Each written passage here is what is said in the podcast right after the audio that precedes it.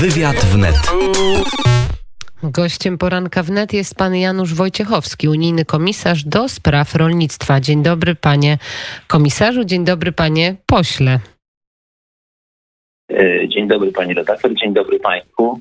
Posłem nie jestem, bo nie można tego łączyć z funkcją Ale był pan kiedyś posłem, był pan kiedyś ministrem, Bardzo więc y, to Dziękuję, pani pamięta zwycza, zwyczajowe. e, Z, zwyczajowo. Bardzo. Em, Kilka dni temu odbyło się posiedzenie nadzwyczajne, takie posiedzenie Komisji Rolnictwa i Rozwoju Wsi Parlamentu Europejskiego. Pan w tym mm, spotkaniu uczestniczył. Co się udało ustalić? Jakie będą rozwiązania dla rolnictwa tego w Polsce oczywiście, ale także tego europejskiego? E, To było spotkanie, które przede wszystkim polegało na tym, że przedstawiałem e, posłom do Parlamentu Europejskiego działania, które już zostały podjęte, a tych działań było bardzo wiele. Od, e, od początku kryzysu były różnego rodzaju problemy. Najpierw w transporcie, bo zablokowane zostały granice i to, co było dla rolnictwa bardzo groźne, to za- zablokowanie transportów e, towarów rolnych, żywności. E, Więc to dość szybko zostało poprawione, bo utworzone zostały tak zwane zielone korytarze, poprawiony został przepływ e, pracowników sezonowych, bo oni też bardzo dużą rolę odgrywają w rolnictwie w wielu sektorach rolniczych. Pewne decyzje administracyjne zostały bardzo szybko podjęte też z mojej inicjatywy uproszczenia procedur kontrolnych w gospodarstwach, e, przedłużenie terminu na składanie wniosków o dopłaty, bo rolnicy mają z tym trudności teraz. E, Zapowiedzieliśmy przyspieszenie e, płatności w drugiej połowie roku. Rolnicy wcześniej otrzymają większą pulę pieniędzy niż to było do tej pory. A, a ostatnio zostały podjęte działania, które trochę stabilizują sytuację na rynku, to znaczy mm, na przykład pry, prywatne przechowalnictwo dotyczące e, produktów mlecznych, mleka w proszku, serów, e, także e, wołowiny. To są decyzje, które dobrze zostały przyjęte przez rolników europejskich, także przez rolników polskich, bo mam bardzo, bardzo pozytywne sygnały. No oczywiście zawsze jest oczekiwanie, że tego powinno być więcej, że tej pomocy powinno być więcej, no ale Unia Europejska dysponuje określonym budżetem i musi się mieścić w jego granicach. To jest też pewien, pewne wnioski na przyszłość wypływają z tej z lekcji obecnego kryzysu że te instrumenty wspólnej polityki rolnej oczywiście pomagają, są bardzo pomocne, są bardzo ważne, ale w sytuacji tak, tak ogromnego kryzysu, jaki mamy teraz, tak, e, kryzysu, który jednocześnie ogarnia praktycznie wszystkie dziedziny gospodarki, tym wszystkie sektory rolne, no to te narzędzia interwencji są zbyt słabe i trzeba je wzmocnić na przyszłość. Mam nadzieję, że tak się stanie. Między innymi tutaj była uwaga, że te pakiety, które komisja proponuje, że te wsparcie, które państwo proponują, nie obejmują sektora drobiu. Wiemy, że w Polsce ten sektor ucierpiał bardzo. Między innymi przedstawiciele Federacji Branżowych Związków Producentów Rolnych mówili, że jest tak tragiczna ta sytuacja, że właściciele będą musze, zmuszeni nawet y, do gazowania i utylizacji zwierząt. Czy tutaj państwo już podjęli jakieś działania, czy to jest w fazie rozmów na razie? No to jest w fazie rozmów i, i, i um, szukania jakichś rozwiązań. Problem polega na tym, że niektóre, niektóre sektory dotyczą tylko nie, niewielkiej liczby państw, w których takie problemy się gromadzą. Producenci na przykład cielęciny bardzo tutaj mocno też alarmują, że, że mają trudną sytuację. Bardzo dużo jest oczekiwań ze strony producentów wina, bo też e, pewne środki zostały podjęte, ale e, nie do końca e, satysfakcjonujące te, te, te sektory. No, mamy do czynienia z ogromnym kryzysem i trzeba wybierać, co, co wspierać najpierw, co, co w dalszej kolejności stawiamy na te sektory, w których najwięcej, największa liczba rolników jest poszkodowana, największe są zagrożenia. To jest kwestia, kwestia pewnego wyboru. E, I, I jeszcze raz mówię, na przyszłość musimy wzmocnić e, te możliwości działania interwencyjnego, działania kryzysowego, bo, bo kryzysy stają się zjawiskiem, przykro to stwierdzić, ale wręcz normalnym w rolnictwie. Jak nie, jak nie susza, to, to jakieś perturbacje rynkowe, albo embargo rosyjskie, albo jeszcze inne trudności, albo jakieś sankcje amerykańskie. Tego typu problemy mamy ciągle. One tutaj jest tak, takie spostrzeżenie, które moim zdaniem jest dość istotne. Otóż największe problemy są w tych branżach, które są wąsko wyspecjalizowane. To znaczy, jeśli gospodarstwo rolne ma tylko jeden rodzaj produkcji i na to jest nastawione, na, na dodatek jeszcze produkcję, której, której egzystencja jest zależ, zależna od pasz w Ameryce, a, rynków w Chinach, to, to sytuacja robi się bardzo szybko trudna. Więc w przyszłości musimy postawić bardziej na taką agroróżnorodność, czyli, czyli gospodarstwa powinny jednak mhm. dywersyfikować swoją produkcję i trzeba im w tym pomóc, bo to nie jest łatwy proces, ale będziemy wspierać na przykład transformację gospodarstw, żeby trochę zróżnicować produkcję, żeby, żeby rolnictwo było bardziej odporne, żeby nie było zależne tylko od jednych dostawców i od, od, od jednych mm. odbiorców. Tak. Bo wtedy, bo wtedy bardzo szybko robią się problemy. To bardzo ważne, ale politycy opozycji, przynajmniej ci, z którymi miałam okazję rozmawiać, grzmią i alarmują, że mamy miliardy złotych niewykorzystane z budżetu Unii Europejskiej i polski rząd albo się nie stara, albo w zbyt małym stopniu po te pieniądze występuje. Jak to wygląda od środka? Czy rzeczywiście są pieniądze, można tak powiedzieć oczywiście w cudzysłowie, do wzięcia z tej wspólnej polityki rolnej i państwo członkowskie, jakim jest Polska, nie mm, e, występuje w odpowiedni sposób? Jest dokładnie odwrotnie, to znaczy Polska e, należy do krajów, które i polski rząd, e, które e, no, bardzo mocno inicjują czy, czy inspirują pewne zmiany dotyczące niewykorzystanych jeszcze rzeczywiście środków z Funduszu Rozwoju Obszarów Wiejskich. To jest okres, kiedy kończy się ten siedmioletni program rozwoju obszarów wiejskich. I ile my jako kraj, panie ministrze, panie komisarzu, wykorzystaliśmy z tych środków do tej pory?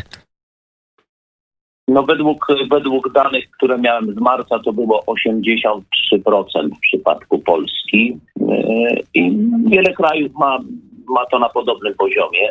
Niektóre z tych pieniędzy, z tych środków rzeczywiście mogą e, być przeniesione na inne cele za zgodą Komisji Europejskiej. Ja deklarowałem daleko idącą otwartość w udzielaniu takiej zgody, w aprobowaniu takich zmian. E, ale e, no to, to jest i, i polski rząd jest tym bardzo zainteresowany. Ja już otrzymałem od pana ministra Danowskiego taką wstępną jego, wstępne jego propozycje, na co można te środki I, przeznaczyć. I na co te pieniądze e, można by przeznaczyć? No, jest wiele takich możliwych działań, które, nad którym jeszcze może należy poczekać, ale na przykład wsparcie dla małych gospodarstw, które być może trzeba będzie wzmocnić w sytuacji, kiedy pogłębi się kryzys. Daj Boże, żeby tak nie było, ale z tym trzeba się liczyć. Że na przykład wielu rolników prowadzących małe gospodarstwa, którzy dziś mają pracę poza gospodarstwem, to znaczy gospodarstwo jest jakimś dodatkiem, głównym źródłem dochodów jest, jest ich praca poza gospodarstwem. I jeśli oni będą tracić pracę, to trzeba będzie ich wzmocnić, żeby, z tych małych gospodarstw mogli osiągać e, jakieś dochody, które pozwolą im żyć. I na to na przykład jest możliwość przeniesienia znacznych środków na tego typu formy pomocy. E, to jest e, też środki na przykład na odbudowę potencjału gospodarstw po klęskach żywiołowych. To sytuacja suszy, bo ona występuje też w bardzo wielu krajach Europy. To też jest pewna lekcja na przyszłość, bo musimy tak prze, przemodelować produkcję rolniczą, bardziej zrównoważone metody popierać produkcji rolnej, żeby też było to rolnictwo bardziej odporne na takie zjawiska jak susza. Ale w przypadku suszy na przykład można pomagać w ten sposób, że gospodarstwa, które utraciły swój potencjał, mogą być wspierane ale to nie może być też bezpośrednio, bo przepisy unijne wyraźnie tego zabraniają. To nie może być rekompensata utraconych dochodów. A jakiego rzędu to mogą być wsparcia dla takich gospodarstw? Bo jeżeli słuchają nas rolnicy, to na pewno chcieliby wiedzieć, o co mogą się starać, w jaki sposób nie, no, proszę mnie nie pytać o liczby, bo to najpierw musi być wniosek mhm. rządowy, potem musi być wniosek, y, potem musi być akceptacja przez komisję. To zależy, o jakie kwoty zwrócą się państwa członkowskie, to, to, to, to mogą, to nie, nie moją rolą jest y, wskazywanie tych kwot. Ja mówię tylko o pewnym, pewnym modelu, który jest możliwy do zastosowania i użycie środków y, Unii Europejskiej właśnie w tym kierunku. My będziemy mieli e, posiedzenie 13 maja Rady do Spraw Rolnictwa. Zjadą się ministrowie rolnictwa z wszystkich krajów członkowskich Unii Europejskiej. Będziemy o tym rozmawiać, e, między innymi w jakim kierunku te pozostałe jeszcze środki przesunąć. Debata będzie trudna, bo niektóre kraje już takich środków nie mają, już właściwie wszystkie rozdysponowały. Polska jest akurat w tej sytuacji, że jeszcze pewne rezerwy pozostają. E, i, i one będą mogły być wykorzystane i tutaj jest, chcę powiedzieć, że pan minister Adamowski jest akurat bardzo aktywny w tych sprawach. To powinno chyba trochę uspokoić polityków opozycji, którzy właśnie, tak jak wspomniałam wcześniej, apelują i mówią o tym, że te środki cały czas są niewykorzystane. A jak pan y, uspokoi? One są, redaktor, one są stopniowo wykorzystywane. Mhm. No to jest normalna, normalna praktyka w E, budżet Unii Europejskiej jest programowany, e, przygotowany na 7 lat. Program rozwoju obszarów wiejskich także. Polska i wszystkie inne kraje realizują w tej chwili programy rozwoju obszarów wiejskich przyjęte w latach 2014 głównie i na początku 2015, więc e, to są programy przygotowane dosyć dawno temu. One oczywiście podlegają w trakcie pewnym modyfikacjom, ale zasadniczo to są programy, i w przypadku Polski również to jest program przygotowany w 2014 roku. Trzeba to bardzo wyraźnie podkreślić. Jak pan patrzy na najbliższy budżet, który jest e, opracowywany, czy będzie na takim samym poziomie, na, który jest teraz, że to będzie perspektywa finansowa Unii Europejskiej, będzie tak samo wspierała rolnictwo jak dotychczas? E, trwają bardzo mm, e, intensywne debaty nad, nad budżetem Unii Europejskiej. Ja dostarczam wszelkich możliwych argumentów za tym, żeby ten budżet był wzmocniony, żeby był znacząco lepszy od tego, co zostało zapro, e, zaproponowane dwa lata temu, bo propozycja Komisji Europejskiej, która w tej chwili jest na stole, to jest propozycja sprzed dwóch lat podtrzymywana przez, przez obecną komisję, ale też no, będąca przedmiotem negocjacji politycznych. Mam nadzieję, że to będzie lepszy budżet, że to będzie silniejszy budżet, bo wyzwania są ogromne przed rolnictwem.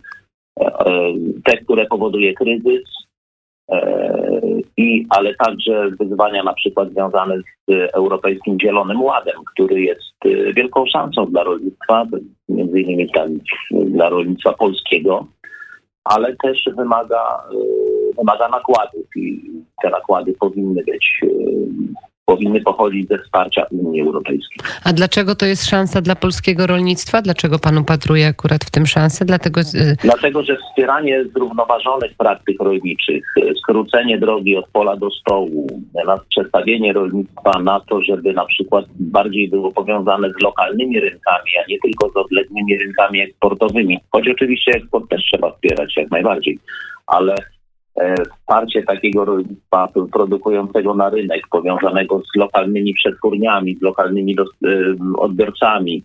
To jest wielka szansa dla rolnictwa polskiego, bo Polska ma po pierwsze e, niewielkie gospodarstwa rodzinne, które są doskonale przygotowane do właśnie takiego, tak, takiego rodzaju funkcjonowania. A z drugiej strony jest Polska jest jednym z największych krajów Unii Europejskiej, ma duży własny wewnętrzny rynek, więc z punktu widzenia Polski to jest Zielony Ład jest, jest, jest wielką szansą. Myślę, z punktu widzenia wielu innych krajów, no to jest program dla całej Unii, więc, e, ale przede wszystkim dla małych gospodarstw, dla małych, średnich gospodarstw. To jest to, to są działania, które mogą te gospodarstwa uratować, bo one nam bardzo szybko znikają w Europie. W ciągu dekady 4 miliony gospodarstw zniknęło w, e, w całej Unii Europejskiej, więc to jest wielkie wyzwanie, aby te procesy zatrzymać i aby wzmocnić rolnictwo, ten, ten europejski model rolnictwa i, i bardzo polski zarazem model rolnictwa opartego na rodzinnym, na potencjale rodzinnych gospodarstw rolnych. Czyli y, najwcześniej, y, panie komisarzu, 13 maja poznamy jakieś szczegóły związane z ewentualnym zwiększeniem środków, tak, na polskie rolnictwo.